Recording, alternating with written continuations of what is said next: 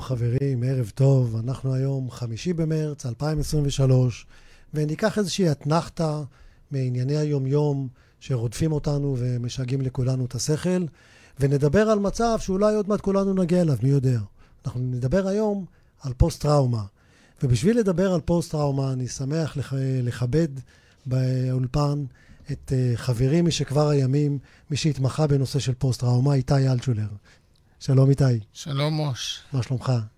תודה לאל טוב. טוב, אז אני אספר לכם שאיתי ואני חברים כבר, אה, לא יודע, 40 שנה. ואחת הסיבות שהוא פה זה בגלל שאנחנו חברים, אנחנו מכירים, ואני מכיר את הסיפור האישי שלו, ובנגיעות כאלה או אחרות גם ליוויתי אותו. ו... אבל מעבר לזה שאנחנו חברים, יש לאיתי הרבה מה לספר על נושא של פוסט-טראומה, וזו הסיבה שהוא בא בעצם לאולפן. ואנחנו נגולל את הסיפור של, שלך, נתחיל מהסיפור האישי של הפוסט-טראומה, ומשם אתה תיקח אותנו למחוזות ש, שהגעת אליהם בעצם עם כל הנושא הזה. אוקיי. Okay. יאללה, אז מתחילים. אז בוא רגע, אה, תן לנו איזשהו משפט שניים על אה, פוסט-טראומה, איך אתה הגעת לזה, מה, מה עשית עם זה, ולאן אתה תוליך את הסיפור הזה היום. אני אה, נפצעתי במלחמת לבנון הראשונה, פיזית. אחרי כמה שנים אה, התפתח, התפתחה לי פוסט-טראומה. אחרי בערך 15 או 17 שנה יצאתי מזה בכוחות עצמי, וכשהבנתי שיצאתי מזה, פיתחתי שיטה בשביל לעזור לאחרים, כי הרגשתי שזה באיזשהו מידה יהיה בזבוז אם רק אני אהנה מזה. ואני אספר על העבודה שלי עם האנשים, על הנושא הזה מהזווית שלי, ואיך זה אה, נולד מתוך ניסיון אישי ולא מתוך אה, אה, לימוד אקדמי. אז בעצם המקרה המיוחד שלך הוא מיוחד במובן הזה שאתה פיתחת שיטה לטפל בפוסט-טראומה מתוך הפוסט-טראומה עצמה. לא מתוך הפוסט-טראומה עצמה, אלא אחרי שהבראתי מתוך הפוסט-טראומה. כי מתוך הפוסט-טראומה קשה מאוד אה, לפתח משהו רציני ו... ומעמיק, שבו כשאתה נתקל עם אנשים אחרים שסובלים, אז זה בדרך כלל מאוד מטלטל אותך, אבל אם אתה מבריא, אז אה, יש לך יכולת להתמודד עם זה. אז זה אחרי, לא okay. אוקיי, מתוך... אוקיי, ואתה הבראת בכוחות עצמך? זה מה שאתה אומר? כן, זה מה שאני אומר. בכוחות עצמי, על ידי אינסוף פעולות והרבה מאוד זמן. והשיטה שאני פיתחתי, מטרתה לקצר לאנשים את התהליך, שזה לא ייקח כל כך הרבה זמן. זה אפשרי גם לאנשים אחרים. זה אפשרי אבל נדיר, ומי שנעזר uh, במה שאני עושה, אז זה מקצר לו את זה בסדרי גודל. אז השאלה שהכי מסקרנת אותי, ואולי גם את המאזינים שלנו, זה איך בן אדם מצליח לרפא את עצמו מפוסט-טראומה. איך הוא מצליח? אני זה... במקרה הזה לא ידעתי שאני עושה את זה, רק בדיעבד ידעתי. אוקיי. זה לא שתכננתי, ידעתי לעשות, וזה מה שמיוחד בשיטה. אם היה מישהו שאומר לי, תעשה 1, 2, 3, 4, והייתי מאמין לו ומתמיד איתו פרק זמן סביר, אז סביר להניח שמצבי היה הרבה הרבה יותר טוב והרבה יותר מהר. אבל אני עשיתי המון פעולות של, של ניסוי וטעייה, והדגש הוא על פעולות, לא על אה, תובנות ולא על מחשבות ולא על עיסוק אינסופי ברגשות של עצמי, אלא פעולות. והפעולות... עשייה, acting. עשייה שבראש ובראשונה הייתה עשייה אומנותית, ואחר כך היו עוד עשיות כמו רכיבה על סוסים, כמו עבודה מאוד עמוקה בטבע. כמו... אבל לפני שאתה מגיע לפעולות עצמם של הריפוי, הייתי רוצה שתספר לנו קצת, אה, לי לפחות, מה, איך זה מתבטא פוסט-טראומה. אתה יודע. כן, אבל גם, גם לאנשים אולי, שאתה יודע, ש, שיבינו איך נראה ביום-יום פוסט-טראומה. קח אותי ל, ל, ליום-יום, איך זה מרגיש, איך זה נראה... אנשים בדרך כלל מכירים את המצבים המאוד קיצוניים. שבהם אנשים לא יוצאים מהבית, או שהם, אה, יש להם התפרצויות זעם אה, בכל מיני מקומות ציבוריים. זה, היום זה מאוד פופולרי בכביש, אבל יש אה, בעוד צורות. זה כשזה נוגע לגברים, זה, לנשים זה סיפור אחר קצת. והחוויה שלי הייתה בעיקר, בעיקרה כמעט כל הסימפטומים שיש בה. יש איזה מניין של 80 סימפטומים, אז היה לי, אני חושב, 70 או 60, משהו כזה. בצורות מגוונות, והדבר הכי מרכזי, אני חושב, שיהיה לאנשים קשה להבין, שאתה מאבד את הרציפות של חוויית הזמן. זה מה שהיה לי בתור הדבר הכי רצוף. והכי קשה. נגיד שאתה היית חבר שלי באותה, לא נגיד, היית חבר שלי באותה תקופה, הייתי נפגש איתך יום X, נפגש איתך אחרי כמה ימים, זה היה כאילו אני נפגש איתך מחדש. כאילו הכל הייתי בבחינה מתמידת כל פעם מחדש. לא היה לי שום חוויית רציפות. זה היה איתך, זה היה עם ההורים שלי, זה היה עם כל פעולה שעשיתי. זה יוצר מצב שאתה למעשה, אה, בחוויה שלי, היה מין אה, חרדה מתמשכת מכל סיטואציה. אה, והתגובות שלי הן היו מאוד מאוד פיזיולוגיות. זאת אומרת, לא תמיד זה ככה, אבל זה הרבה פעמים ככה שיש... אה, אה, היה התעברויות, היה הקאות, היו כל מיני דברים פיזיולוגיים כאלה, שזה מאוד לא נעים. והסימפטומים האלה קשורים לסוג, ה... לסוג הפציעה שלך בצבא? לא. זאת אומרת, לא קשור לאיך נפצעת, לבין הסוג של הסימפטום? זה קשור לפציעה במובן הזה שאם הייתי נפצע הרבה יותר קשה, רוב הסיכויים שלא היה לי פוסט-טראומה. או שלא היה בכלל כלום. לא, לא, לא היה לי פוסט-טראומה. אם הייתי נפצע קשה והייתי נהרג, סיפור אחר. אבל אם הייתי נפצע קשה מאוד, אז הצורך להתאושש מהפציעה הקשה אה, יוצרת חוסן בגוף שמאפשר לו לא לייצר פוסט-טראומה. Hmm. אה, אה, ופציעה שהייתה לי, שהייתה פציעה יחסית קלה, אה, והרקע שיש לי, שהוא בכלל לא קשור לצבא, גרם לזה ש... שנהניתי מה... מהחוויה. מהפוסט-טראומה, כן. אז אני שומע ממה שאתה אומר כמה דברים. אחד זה ש... שפציעות קשות, פציעות, כאילו, מי שחווה פוסט-טראומה, אז הוא נמצא באיזשהו מנעד של פציעות שהוא לא קל מדי, לא קשה מדי. רוב האנשים שחווים פוסט-טראומה אין להם שום פציעה, זה לא קשור לפציעה. לי במקרה היה. אוקיי. אבל... זה אם... הבחנות אה, חשובות, מה שאתה עושה, אוקיי. כן, ומי שיש לו פציעה קשה, אה, מסכנת חיים, ויש אה, במלחמה או בסיטואציה אחרת, יש כאלה דברים. אז uh, הסיכוי שלו ללקוט בפוסט-טראומה יותר נמוך. כי לא הוא עסוק ש... בהישרדות הפיזיולוגית. בדיוק, המערכת הנפשית והפיזית שלו עסוקים בלהישרד, ואז uh, מייצר חוסן תוך כדי ההבראה.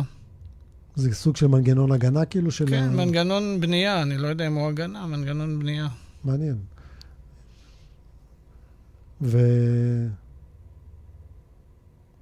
טוב, הייתה לי איזו שאלה שם, תכף נחזור אליה אולי. אוקיי, ואז אה, תוך כדי, תוך כדי ההתמודדות עצמה, אז בעצם אתה מצאת שביל מה הדברים שגורמים לך להרגיש יותר יציב, יותר טוב, ודרך זה אתה בעצם הבנת שאלה דברים שמרפאים אותך? זה היה, היה לי מנגנון, אני, יש לי פודקאסט שמספר על, ה, על תהליך הבראה מפוסט-טראומה, זאת אומרת, מה, מה אנשים עושים בשביל להבריא. אחד הדברים שאני מדבר עליו שם זה על הצד הפיזיולוגי בתור מערכת רמזורים. או הכאבים, או במקרה שלי ההקאות. אז דבר שלא היה לי טוב, הייתי ישר מקיא, אז הייתי יודע שזה לא טוב. אבל מה כן טוב, לא ידעתי, ועשיתי המון פעולות. אני אתן לך דוגמה. אה, אני, תוך כדי התהליך, התחלת התהליך, גיליתי את העולם הציור. והייתי יושב שבע, שמונה, תשע שעות בסטודיו מצייר. לא הייתי איזה מוכשר גדול, אבל זה מה שהייתי עושה. וכשהייתי יוצא מתוך הסטודיו, תח, כל העולם שלי היה מתרסק. אז הבנתי שלצייר זה טוב, זה לא, לא קשה היה להבין את זה. ש, שהציור עושה טוב, ואז כן. התמסרת לציור כ, כפעולה. כן. לא שידעתי שזה ירפא אותי, לא ידעתי את זה. זה פשוט עשה לי איזשהו מרחב של שקט, שהיה בו, היום אני יודע להסביר אותו, אבל אז לא ידעתי להסביר אותו, ו... חלק ממה שעשיתי שם, הפכתי את זה למשהו יותר מופשט, ואני מלמד את האנשים להשתמש במה שאני עשיתי בציור, אפשר לעשות את זה בהמון דברים, זה לא חייב להיות בציור. והיום אתה מצייר? אה, פחות. אז הציור נתן לך, הוא היה מקום מקלט? הוא היה מקום, לא, הוא לא היה מקום מקלט, הוא היה מקום בנייה. זה מה שאני רוצה שתסביר לי, כן. איך הוא בנה אותך, איך הוא בנה לך את היציבות שהייתה חסרה לך. א', לא היו שם מילים. אף אחד לא אמר לי מה צריך לעשות, איך צריך לעשות. אה, אה, וזה היה דבר שבו אתה רק עושה. עכשיו, בציור, כמו בכל דבר אחר בחיים, בכל מלאכה, יש את העולם. העולם, אתה פועל עליו והוא פועל עליך חזרה. הוא מאשר אותך, ואם אתה, יש לך ספק, הוא לא רלוונטי שם. ואתה, אחת הבעיות של אנשים שיש פוסט-טראומה זה שהם מאבדים את הריבונות על החיים שלהם. עכשיו, כשאתה מצייר לבד, לא בתוך בית ספר או משהו כזה, אתה ש... בתוך עולם הציור אתה שולט על הכל. אז זה החזיר לי איזה מין חוויית שליטה. לא בהכרח חוויית יכולת, אבל חוויית שליטה. וגם את היכולת לאט לאט אפש... אה, אה, בניתי. וזה דוגמה אחת. יש עוד מיליון דברים בתוך ה... ואיך זה יצר לך את החיזוק הזה, את התחושת חיזוק, חוזק, כשאתה יוצא מהסטודיו? כי בתוך הסטודיו, נגיד, הייתה לך איזשהו... הדבר שחשוב להבין, וזה גם אני אדבר אחר כך על השיטה, זה החזרתיות. מה שקורה, אה, פוסט-טראומה בכלל מייצרת איזשהו... אה, מעגלים במוח שהולכים וחוזרים על עצמם כל הזמן, כל הזמן, ומשאירים אותך לחוט בתוך המעגלים האלה של המוח. עכשיו, אם אתה מייצר באזור מוגן יחסית מעגלים נוספים, אז למוח יש אפשרויות. עכשיו, אם אתה עושה את זה פעם, פעמיים, עשר פעמים, אין לזה משמעות. אם אתה עושה את זה עשרת אלפים פעם, אז המוח פתאום יש לו, אה, הרשת נוירונים שלו מתרחבת ומאפשרת לך לזרום בכיוון אחר. וזה מה שאני עשיתי עם הציור. עשיתי מין סוג ציור כזה שאפשר לי לעשות חזרתיות כזו, אה, בצורה מאוד מופשטת, כן? אבל אה, אה, חזרתיות, ואז, כשיצאתי החוצה, היה לי כבר אופציות. כשיצאתי מהסטודיו, אז קודם הייתי הולך בנתיב מסוים, ועכשיו היה לי אפשרות להגיד, אה, אז אולי זה, אולי זה. יכולת בחירה. בדיוק, והיכולת בחירה הזו, ברגע שהתחלתי לבחור אותה בחיים, וראיתי שהיא מובילה אותי לכיוון, אתה יכול לבחור אותה עוד פעם, וכשבחרתי אותה עוד פעם, אז זה חיזק את המערכת של הנוירונים האלה. בקיצור, אז... הצבתי את המוח שלי על ידי הציור, על ידי פעולה, כן. אז זה חוק העשרת אלפים פעמים של מלקולם גולדווין, שהוא לא, מדבר... לא, לא מכיר, סתם אמרתי מספר, כן. שכן, לא, דווקא זה, זה שהוא הוא, הוא מדבר בספר על זה ש... שיש הרבה אנשים מוכשרים בעולם, אבל אלה שהצליחו זה אלה שעשו, תרגלו את עצמם אלפי פעמים. הוא הביא את הדוגמה של, של החיפושיות, שבשנים שלפני שהם פרצו, מ-57 עד 60, הם ניגנו הרבה שנים בברים בגרמניה. ואז הם יצרו ביניהם כימיה מאוד מאוד גדולה, ויכולת של לסמוך אחד על השני, וזה הוביל אותם למקפצה כזאת, שאחרי כן יכלה זה. אז, אז חשוב, קראטה למשל, מי שעושה קראטה, יודע שאם אתה לא מתרגל עשרות אלפי פעמים, פעולה לא נרכשת, לא נלמדת במוח. זה לא רק זה, הקראטה, כל הפעולות.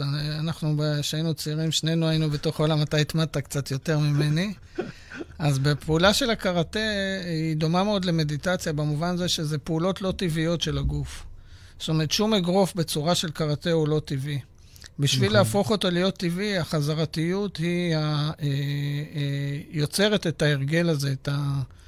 המבנה המוחי שמאפשר לך בזמן אמת להגיב אה, בצורה מתאימה. אותו דבר זה נכון גם לגבי תופעות אה, אחרות, זאת אומרת, גם רגשיות. אנחנו המון פעמים מפרידים בין הגוף לנפש. בדרך שאני מסתכל, זה אני, אין שום הבדל. זהו. עכשיו, יש לזה גם חיזוקים אה, אה, מדעיים. כשעשיתי את זה לא ידעתי, אבל היום אני יודע שיש לזה חיזוקים מדעיים די עכשוויים. של מה? של קשר בין גוף ונפש? לא. אה, על הקשר של החזרתיות הזו. יש בה ספר שהוא ספר פופולרי.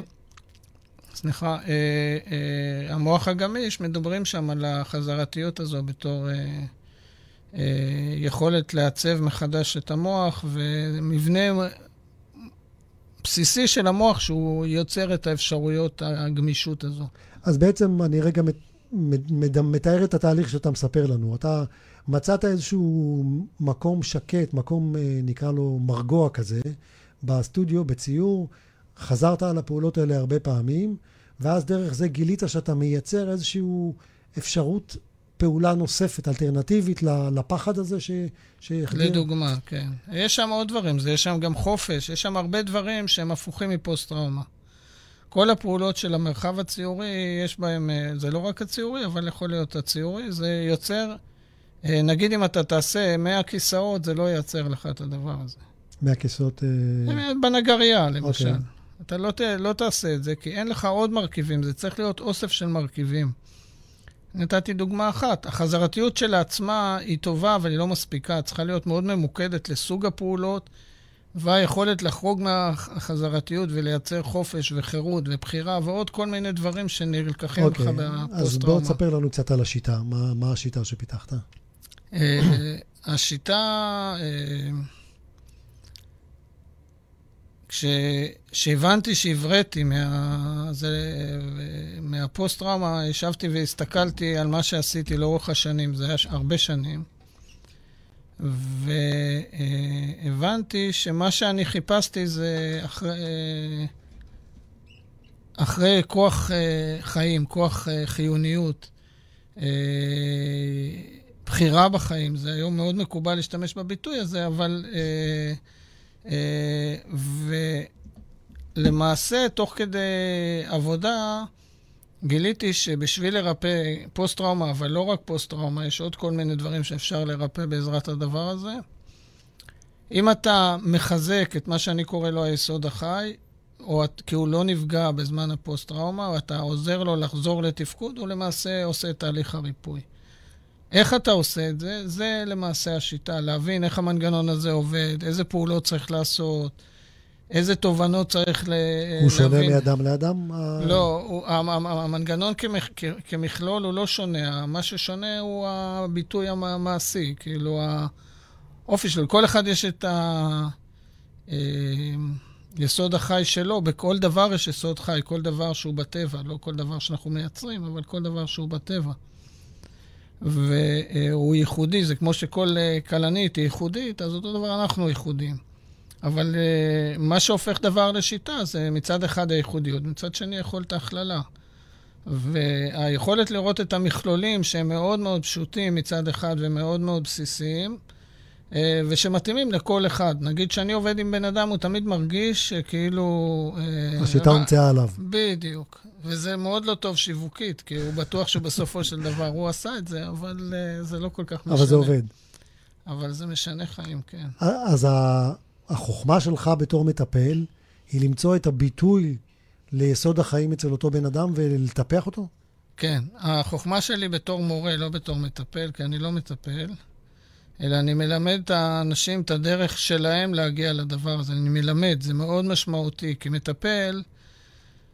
וזה רלוונטי מאוד לפוסט-טראומה. אדם שנפגע מפוסט-טראומה, אם זה בילדות או אם זה בגילים יותר מבוגרים, אה, נפגע בדרך כלל על ידי אנשים.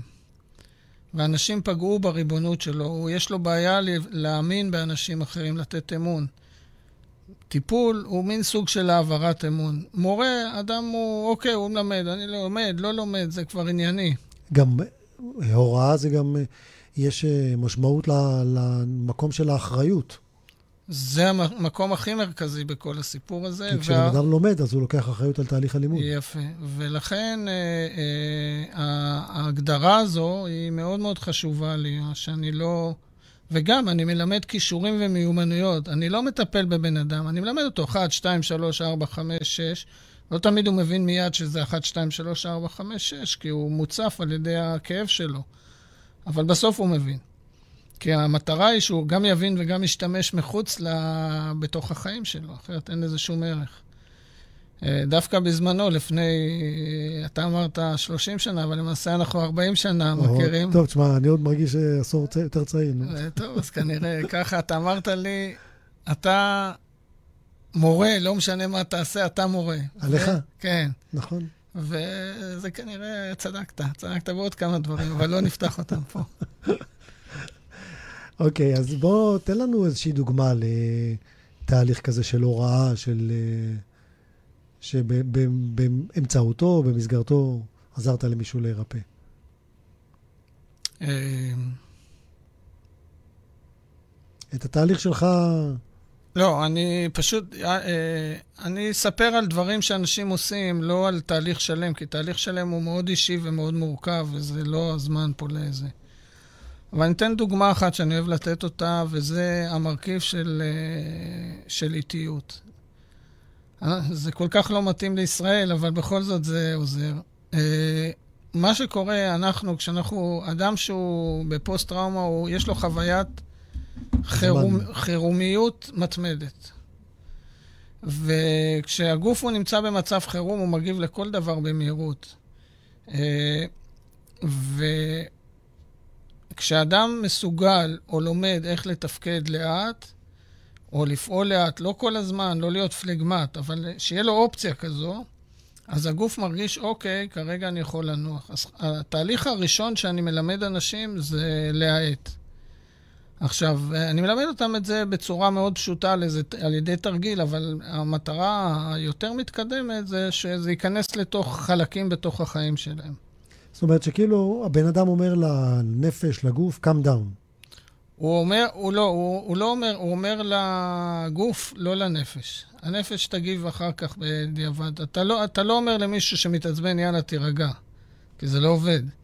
אלא אתה אה, בא ולוקח את השכל, נגיד אדם, אני אומר לו, לך לאט. אז הוא הולך לאט כמה שהוא יכול, ואז מתחיל, מתחיל להתעצבן, כי זה משעמם, כי זה מעלה לו כל מיני זיכרונות, ואז אני אומר לו, אוקיי, בוא תיעזר בשכל שלך בשביל להאט עוד יותר. ומה שקורה ברגע שמאיטים עוד יותר, הגוף רגע נרגע, וכל מה שמפריע לו נרגע לכמה אה, דקות, שניות, תלוי בבן אדם. ולמעשה אנחנו משתמשים במערכת של השכל או של ההיגיון להילחם במערכת של הרגש. אבל לא על ידי כוח, אלא על ידי פקודה מאוד מאוד פשוטה, שהיא מאוד מכנית. זאת אומרת, ללכת לאט זה דבר מכני. אבל הגוף הוא עובד בצורה כזו, שברגע שאנחנו עושים את הדברים לאט, הוא, יש, הוא די אידיוט. הוא אומר דבר כזה, אם, אם, אם אפשר ללכת לאט, זאת אומרת שהמצב בשליטה. אני ממהר, המצב, יש מצב חירום. אז לא משנה מה אני אעשה לאט, זה אומר שאני בשליטה. אם אני רוצה להרגיע את עצמי, אני פשוט צריך להאיט. ולא להאיט כי אני נרגע, אלא להאיט, להאיט, ואז הגוף, זה לוקח קצת זמן, זה גם חשוב להבין. זה לא מיד, הלכתי לאט, טק, נרגעתי, הכל סבבה. זה לא עובד ככה. אז בוא רגע, אני אנסה... לפשט את זה.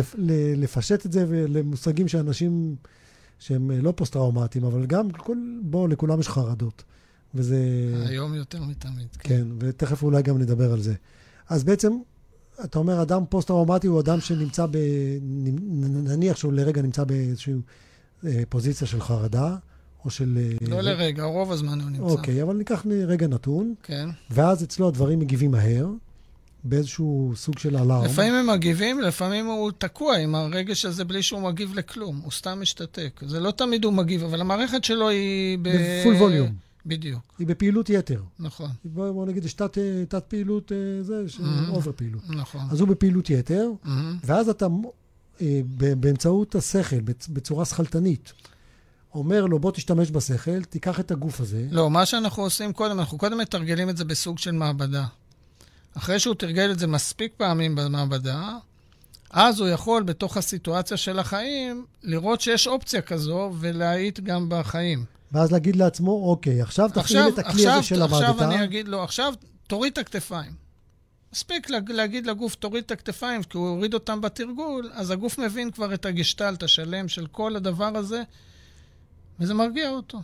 ואז האקט של הורדת הכתפיים משדר לדוגמה, לגוף... כן. כן, אוקיי, נניח כן. הוא הולך לאט, משדר לגוף מסר של האטה, אה, תירגע, לא הכל נכון, בסדר. נכון, נכון, וזה מוריד את רמת החרדה. וזה מוריד את רמת כן, החרדה, כן, ונותן כן. לו אופציה. זה, זה מ, מ, הרבה מעבר למוריד את רמת החרדה, אבל זה אחד הדברים שהוא עושה. כן. אז בעצם אה, זה לקחת מצב שהוא מצב רגשי, ולתת לבן אדם כלי שכלתני שיכול כן, אני, לעזור לו. כן, האמירה שאני אומר לאנשים, תשמעו, אלוהים לא ברא לכם שני, שני חצאים במוח סתם. ברא לכם צד רציונלי וצד אמוציונלי. כל אחד מהם חשוב. בואו נעזר בחלק שלא פעיל לטובת החלק שפעיל. אז אם יש בן אדם, שלמשל, יש אנשים שיש להם תגובה פוסט-טראומטית, זה שהם מנותקים לגמרי מהרגשות שלהם. שהם אה, זומביטים כאלה, או שהם אה, כאילו קולים, או משהו כזה. ואז אתה צריך להפעיל את הצד הרגשי, לעזור לצד השני. אז תן לנו דוגמה לזה. הדוגמה לזה זה לייצר כל מיני סיטואציות, וזה, בדרך כלל זה קצת יותר מורכב מהזה, זה סיטואציות שבו אה, אתה מייצר איזשהו מין ריגוש קטן ולוכד אותו. אז זה יכול להיות בפעילות בטבע, זה יכול להיות ב... אה, בדרך כלל זה תוך כדי עשייה. לשים לב לדברים שמרגשים אותך. אז זה יכול להיות על ידי אומנות, זה יכול להיות אה, אה, בתרגיל נשימה אפילו, יכול להיות מלא, מלא דברים. ולאט לאט להרחיב את הקשב הזה לפלישה של ההתרגשות לתוך המערכת. זהו, זה ה... אז אתה עוזר לו לייצר... אני מלמד רגע... אותו, כן. אני מלמד, דבר שנותן לו מעבדה, ואחר כך אני מרחיב את זה לחיים. אני לא מסתפק במעבדות. ואיך אתה מזהה את המיקום של ה... של הבעיה של הפוסט-טראומה הזאת? איפה היא נמצאת? איפה היא... לא, לא מעניין אותי איפה. כולם עושים אותו דבר, זו שיטה, זה לא... מה, מה זאת אומרת אותו דבר? איך... כולם באים, כולם מאיטים. לאף אחד זה לא הזיק. אוקיי. זה לא רק לא הזיק, לכולם זה... מי שמסוגל לעשות את זה, ורובם מסוגלים לעשות את זה, זה מועיל, וזה מועיל בצורה אה, אה, מהממת, לא רק מועיל סתם. זאת אומרת, זה לא, אוקיי, יופי, רשמתי אקמול, אפילו משהו אחר, וזה... אבל השאלה שאותי מסקרנת זה איך הבן אדם מזהה את הרגע שהוא נכנס לחלל הפוסט-טראומה. הוא לא, צריך, הוא לא צריך לזהות, הוא חי בתוך זה, הוא לא, לא אין לו מה לזהות. יש אה, מצבים שהוא נכנס ויוצא מזה? אם יש מצבים שהוא... אני... אני כן, יש מצב... תלוי מה, איזה עוצמה יש לו את זה, הוא, אבל הוא מרגיש, כל הגוף שלו מתנהג בצורה אחרת. זה לא... הוא יכול להגיד, עכשיו אני... בן אדם מודע לזה שהוא כרגע בהיי סטרס או במצב רגוע? תראה, אם כל השרירים שלו נמתחים, מתקצרת לו הנשימה, הדופק שלו עולה, הוא לא יכול להיות לא מודע. אה, זה לא... לא, זה, לא יודע. מי שלא מודע, אז יש לו התנהגויות אה, אה, שיכול להיות לו שהוא, יש לו, אם זה מדובר על גברים, אז הרבה פעמים יש לו, לא רק גברים, אבל גם בעיקר גברים, אז יש לו כעס אה, מטורף. נשים, יכול להיות להן, בקלות הן צונחות לדיכאון. זה, אז זה הכל הכללות גסות, אבל, ויש בש, בשני המינים, אבל יש מאפיינים מגדריים לסוגים כאלה. ואיך, מבחינת, איך אתה רואה את זה בסוף התהליך? מה, מה הפידבקים שאתה רואה? מה הפידבקים שאתה מקבל? תראה, אנשים, החיים שלהם משתנים. פשוט משתנים... א', הסיפור הטראומטי מפסיק להיות כל כך מרכזי בתוך החיים שלהם. אה, יש ואיך לה... זה קורה? זה קורה בגלל שדברים במוח משתנים. זאת אומרת, אם אני, אני לא כל כך חובב של מדעי המוח, בואו נתחיל בזה. אני חושב שאנחנו מאוד בחיתולים בזה, ואי אפשר לפתור דרך זה הרבה דברים. אז אתה לא מאמין בתרופות פסיכיאטריות? לא, אני לא, לא מאמין בתרופות פסיכיאטריות. אני חושב שתרופות פסיכיאטריות יכולות לעזור בסיטואציות מסוימות עם פיקוח ומינון מתאים. לא שאני לא מאמין בזה, אני חושב שזה הרבה פעמים מאוד עוזר בסיטואציות מסוימות. אה, מה שאני רוצה להגיד זה שהמערכת שלנו הרבה יותר רחבה מלהסתכל דרך הספקטרום הזה של המוח, אבל היום נורא פופולרי לדבר, ואנחנו ברדיו, אז אני מדבר איתך בשפה הזו. את רוב האנשים זה לא באמת מעניין אותם, המוח שלהם, אם זה ככה או ככה או ככה.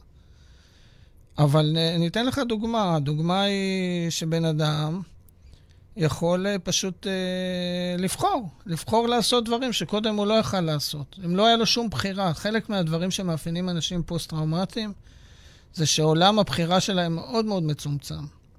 הוא יותר מצומצם משל אנשים לא פוסט-טראומטיים? ברור. הטעות הישראלית והמגעילה ביותר שיש פה, שכאן יש לנו איזה מין משפט כזה, כולנו פוסט-טראומטיים. זה א', מפחיד בצורה נורא משמעותית את, אה, את, את אה, מישהו כן ככה. כי אם כולם, אז, אז גם אתה, בסדר, אבל זה לא בדיוק ככה. כאילו סוג של הזדהות שהוא מקפח. אה, זה סוג של הזדהות שממעיט ומקפח, נכון. ודווקא השיטה שלי בנויה על אלה שהם לא פוסט-טראומטיים. הרבה אנשים עוברים חוויות קשות בכל מיני שלבים בחיים. ולא מפתחים פוסט-טראומה, כי יש להם מנגנון, היסוד החי הזה, שהוא מצליח להתאושש באופן ספונטני. ויש חלק מהאנשים שהוא לא מצליח להתפוש... להתאושש באופן ספונטני, ואז מה שאנחנו עוזרים לו זה לחזור להתאושש. ואם לא היה את המנגנון הטבעי הזה שלרוב האנשים הוא עובד יופי, אז כולם היו בפוסט-טראומה, או לא היה בכלל פוסט-טראומה, כי זה היה המין האנושי. אבל זה משהו נקודתי, יש לזה עוצמות, יש לזה, זה גם מאוד משנה אם האירועים הקשים קרו כשאתה אדם בוגר ומעוצב, אה, כמו חייל, או כמו אישה שעברה אונס בגיל מבוגר, או אם אתה ילד, שקרו לך דברים שאתה קטן ואתה עוד לא מעוצב, ואז אה, הרבה מאוד מהכישורים של אנשים מבוגרים, אתה מזכיר להם את זה בתרגול, לילדים אתה צריך ללמד אותם. אז בעצם, ככה, מה שאתה, מה שאתה בעצם מלמד אותנו עכשיו, או שאתה, הטענה שלך בעצם זה שכמו שיש לגוף יכולת להבריא לתאים מבחינה ביולוגית, לחדש את עצמם ולהבריא פצעים ולעשות אה, רהביליזציה, אז יש גם לנפש, לאדם בריא יש גם את הנפש, היכולת להתמודד עם משברים. לאדם בכלל, ולפעמים אתה יודע, כמו מי ששובר את היד, אז אה, היד שלו מתאחה, עם גבס, בלי גבס היא מתאחה, יפה יותר, יפה פחות. אז אותו דבר עם הנפש. פוסט-טראומטיים, הם מאבדים את היכולת הזאת... אה... היא נתקעת. זה כמו, כן, היא נתקעת. ואתה בעצם עוזר להם לפתח כלים? אני עוזר להם לפתח כלים, לקרוא לברלה שיצא החוצה ליסוד החי, בשביל שהוא יחזור לעשות את העבודה שלו. הוא באיזשהו מקום, בפוסט-טראומה, לפי ההבנה שלי, הוא, אני קורא לזה משתבלל. הוא, כיוון שהוא כל כך מרכזי לקיום שלנו, הוא לא נפגע בזמן האירוע הטראומטי. ברגע שהוא לא עושה את העבודה שלו, יש לנו בלי סוף סימפטומים, כי הוא כל כך מרכזי בתוך החיים. ואז באמת קשה מאוד לאבחן אנשים שהם סובלים מפוסט-טראומה. היום יש גם אבחון יתר כמובן לפוסט-טראומה, אבל קודם היו המון מחלות אה, פסיכיאטריות שאנשים שהיה להם פוסט-טראומה ייחסו להם את זה. ו... אה, אה, כי יש כל כך הרבה סימפטומים, וקשה מאוד לשים את האצבע ולהגיד, אה, זה זה. טוב, נקודה אחת שאמרת בהתחלה שרציתי לשאול עליה, אולי תהיה קצת אישית, אתה תחליט אם אתה עונה או לא. לא עונה. סתם. לפי איך שאתה מחייך, אני יודע שכבר שום דבר לא מרגש אותך. הכל מרגש אותי, לא, שום שאלה כבר לא... כן. אמרת שזה משהו שבאת איתו, כאילו, הפוסט-טראומה, היה לה איזשהו אה, מצע מסוים שהיא התפתחה אצלך, והייתה יכולה, נגיד, לא להתפתח אצל מישהו אחר? כן. משהו ב... במטען החבר... החברתי, הגנטי שלך שהביא אותך? אני לא יודע אם המילה גנטי, אבל יש שם דבר שנקרא אפי-גנטי, שזה יכול להיות מאוד רלוונטי. אה, ויש לי גם על זה פרק אחד או שניים בפודקאסט שלי. אה, אז א', כן, אני חושב שבמקרה שלי, הפוסט-טראומה היא הייתה מין סוג של אה, הבשלה.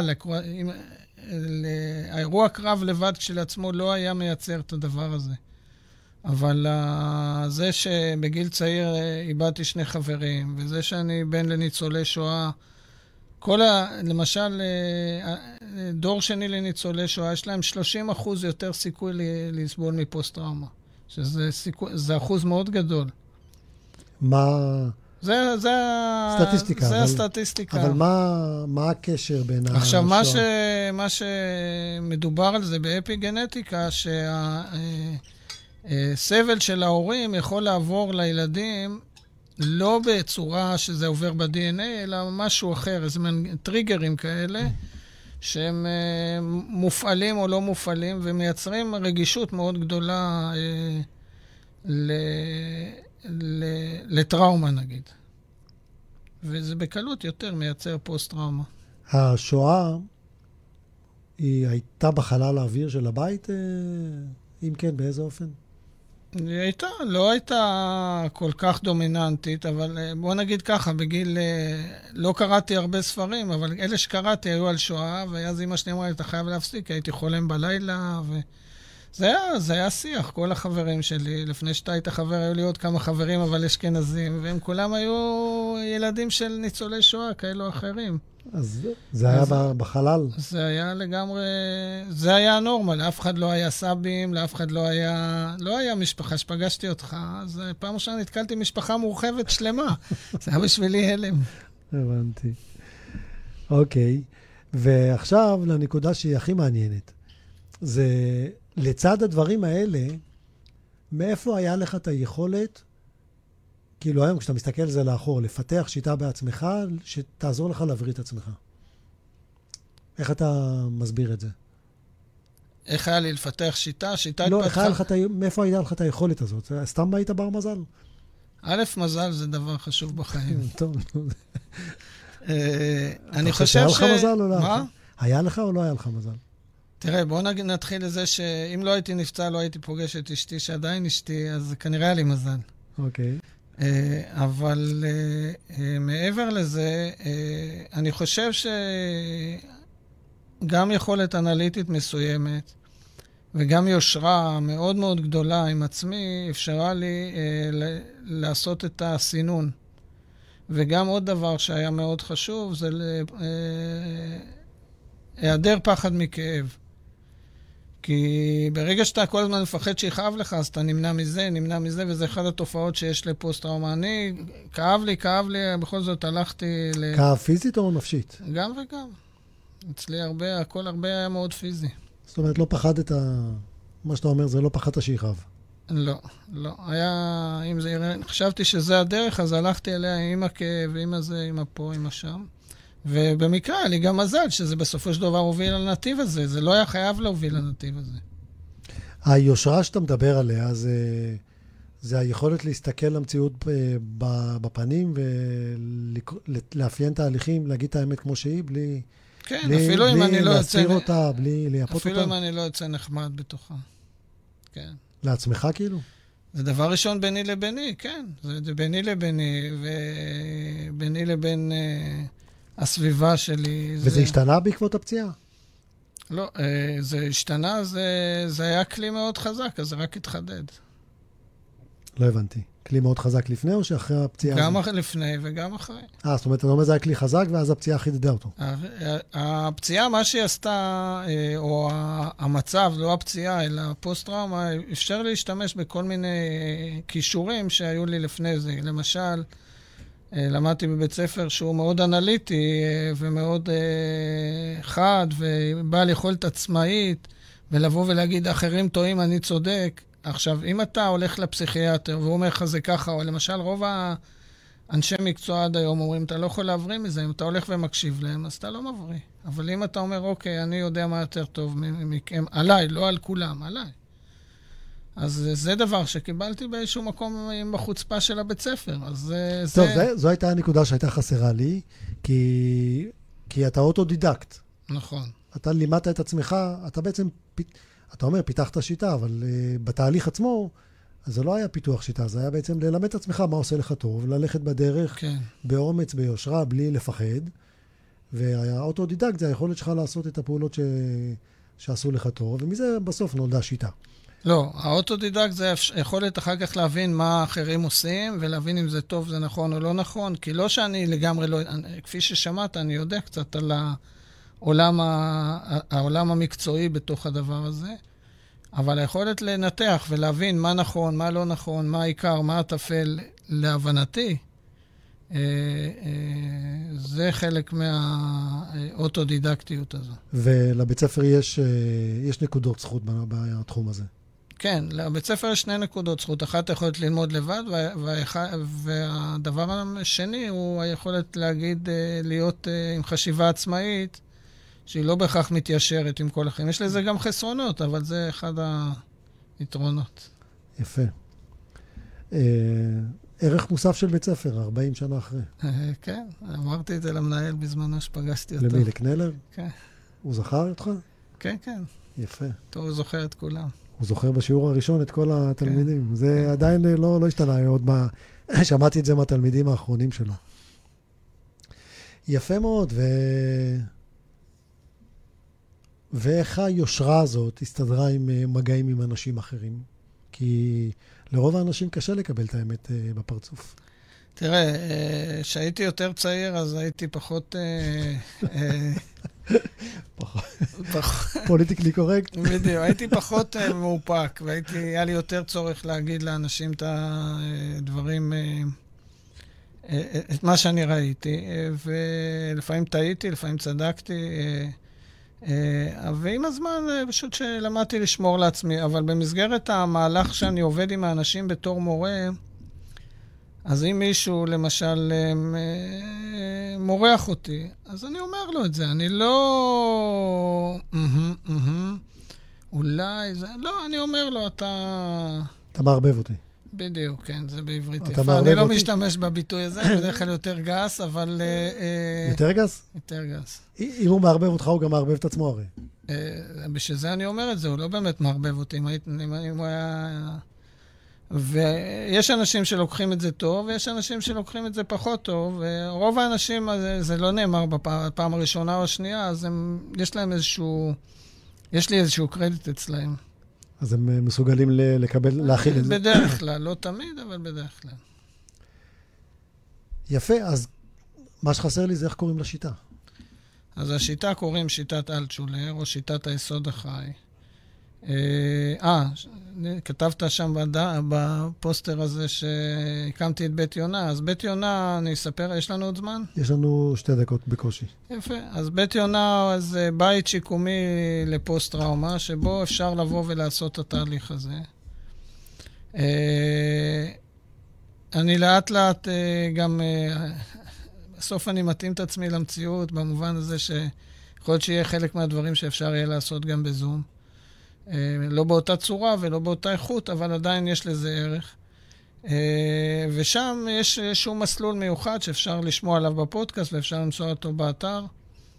וכל הסיפורים שסיפרתי לכם, אה, או חלק מהם לפחות, מופיעים בספר שכתבתי לחיות את היסוד החי, שיצא יפה. גם בעברית וגם באנגלית. והיה משהו אחד שרציתי לשאול אותך, וואו. טוב, זה ברח, אבל זה היה חשוב. אה, טוב, נעלמה לי השאלה. טוב, סיפרת? לא יהיה בעיה למצוא אותי, מי שירצה באינטרנט, זה לא בעיה. כן, סיפר... איפ- איפה נמצא בית יונה? בית. יונה נמצא בטבע באופן טבעי במצפה אבירים, כי הטבע הוא שחקן מאוד מרכזי בכל התהליך הזה. אה, מקום מנותק לרוב הישראלים, וזה הכוח שלו, וזה גם הקושי. יש קושי להגיע, אבל יש אפשרות לשהות. ול- קשה להגיע, אבל וקשה, וקשה לצאת. נכון, ממש קשה לצאת. ואנשים שמגיעים לשם, אחר כך קשה להם להיפרד להיפרד. מהשקט, מהזה. וזהו, נזכרתי מה שרציתי. תן לנו משפט על אה, פוסט-טראומה לאנשים אה, שהם לא... ש... תקשור לנו בין פוסט-טראומה לאנשים רגילים, לא רק לפצועי מלחמה. או לאנשים שהם חיילים. פוסט, אה, טוב, היית צריך לשאול אותי, לא בדקה האחרונה. אה, פוסט-טראומה, אה, יש, יכולה להיווצר בהמון סיטואציות, אם היא מהתעללות בילדות, לא רק התעללות מינית, בכל מיני צורות. אם זה בכיתה, בכל מיני סיטואציות. יש פוסט-טראומות מיניות שמדברים על זה עכשיו, כל התקיפות המיניות, ש... אה, זה יכול להיווצר בעקבות מחלות קשות בהמון, תאונות דרכים, בלי סוף סיבות יכול להיווצר. אם היסוד החי שדיברנו עליו במהלך השיחה לא מצליח לאושש את הבן אדם, הוא לא מצליח לעבוד טוב, יכול להיות שהיה לו הרבה כאלה דברים, אז, אז נוצרת פוסט-טראומה ויש לה... ואיך בן אדם יודע שהוא פוסט-טראומטי ויודע שבזה הוא צריך לטפל? בדרך כלל הוא לא תמיד יודע. אז איך הוא יגיע אליך? אה, בדרך כלל מי שמגיע אליי לא מגיע אליי אחרי שבוע, הוא מגיע אליי אחרי 20 שנה, 30 שנה וכו'. אה, ואז הוא היה בכל מיני טיפולים, בכל מיני דברים, וגם הסביבה יודעת שיש לו התנהגויות לא תקינות. זה זאת לא... אומרת, אה, הרבה מה... מהפתרון מצוי בידי הסביבה שעוטפת את הבן אדם שסובל. הזיהוי, כן. זה עוזר. הבנתי. אבל אם האנשים לא מודעים, אז הם... אה, בדרך כלל אנשים שהם פוסט-טראומטיים הרבה זמן, הם חלק מהסימפטומים מייחסים את זה כאילו זה תכונות שלהם. וזה ממש לא. נגיד אנשים שהם כועסים, הם חושבים שהם כעסנים פשוט. וזה ממש לא נכון. זאת אומרת, הוא לא יודע שהוא יכול להיות אחרת. אה, הוא לא, כן, שזה לא תכונת אופי שלו. טוב, איתי, היה מרתק. אה, אני שמח שבאת. אני שמח שהזמנת אותי, תודה שהזמנת אותי. תודה רבה. וחברים, למדנו היום קצת על אה, פוסט-טראומה. למדנו שיש הרבה קהלים שסובלים בפוסט-טראומה, והכי חשוב זה שאפשר לטפל בזה. ואם אתם... לרפא את זה. לרפא, אוקיי? ואם אה, אתם אה, מזהים אנשים מסביבכם, אז תעזרו לכם בזה, תעזרו להם בזה שאתם תובילו אותם לתהליך של לימוד. חברים, תודה רבה, היה לי כיף איתכם, ונתראה בתוכנית הבאה, בראש של מוש. אתם מאזינים לרדיו החברתי הראשון. ועכשיו, בראש של מוש, בהגשת עורך הדין מוש חוג'ה, התוכנית שבה מדברים פוליטיקה אחרת. ורק אצלנו, ברדיו החברתי הראשון, להאזנה באתר, בפייסבוק ובאפליקציה.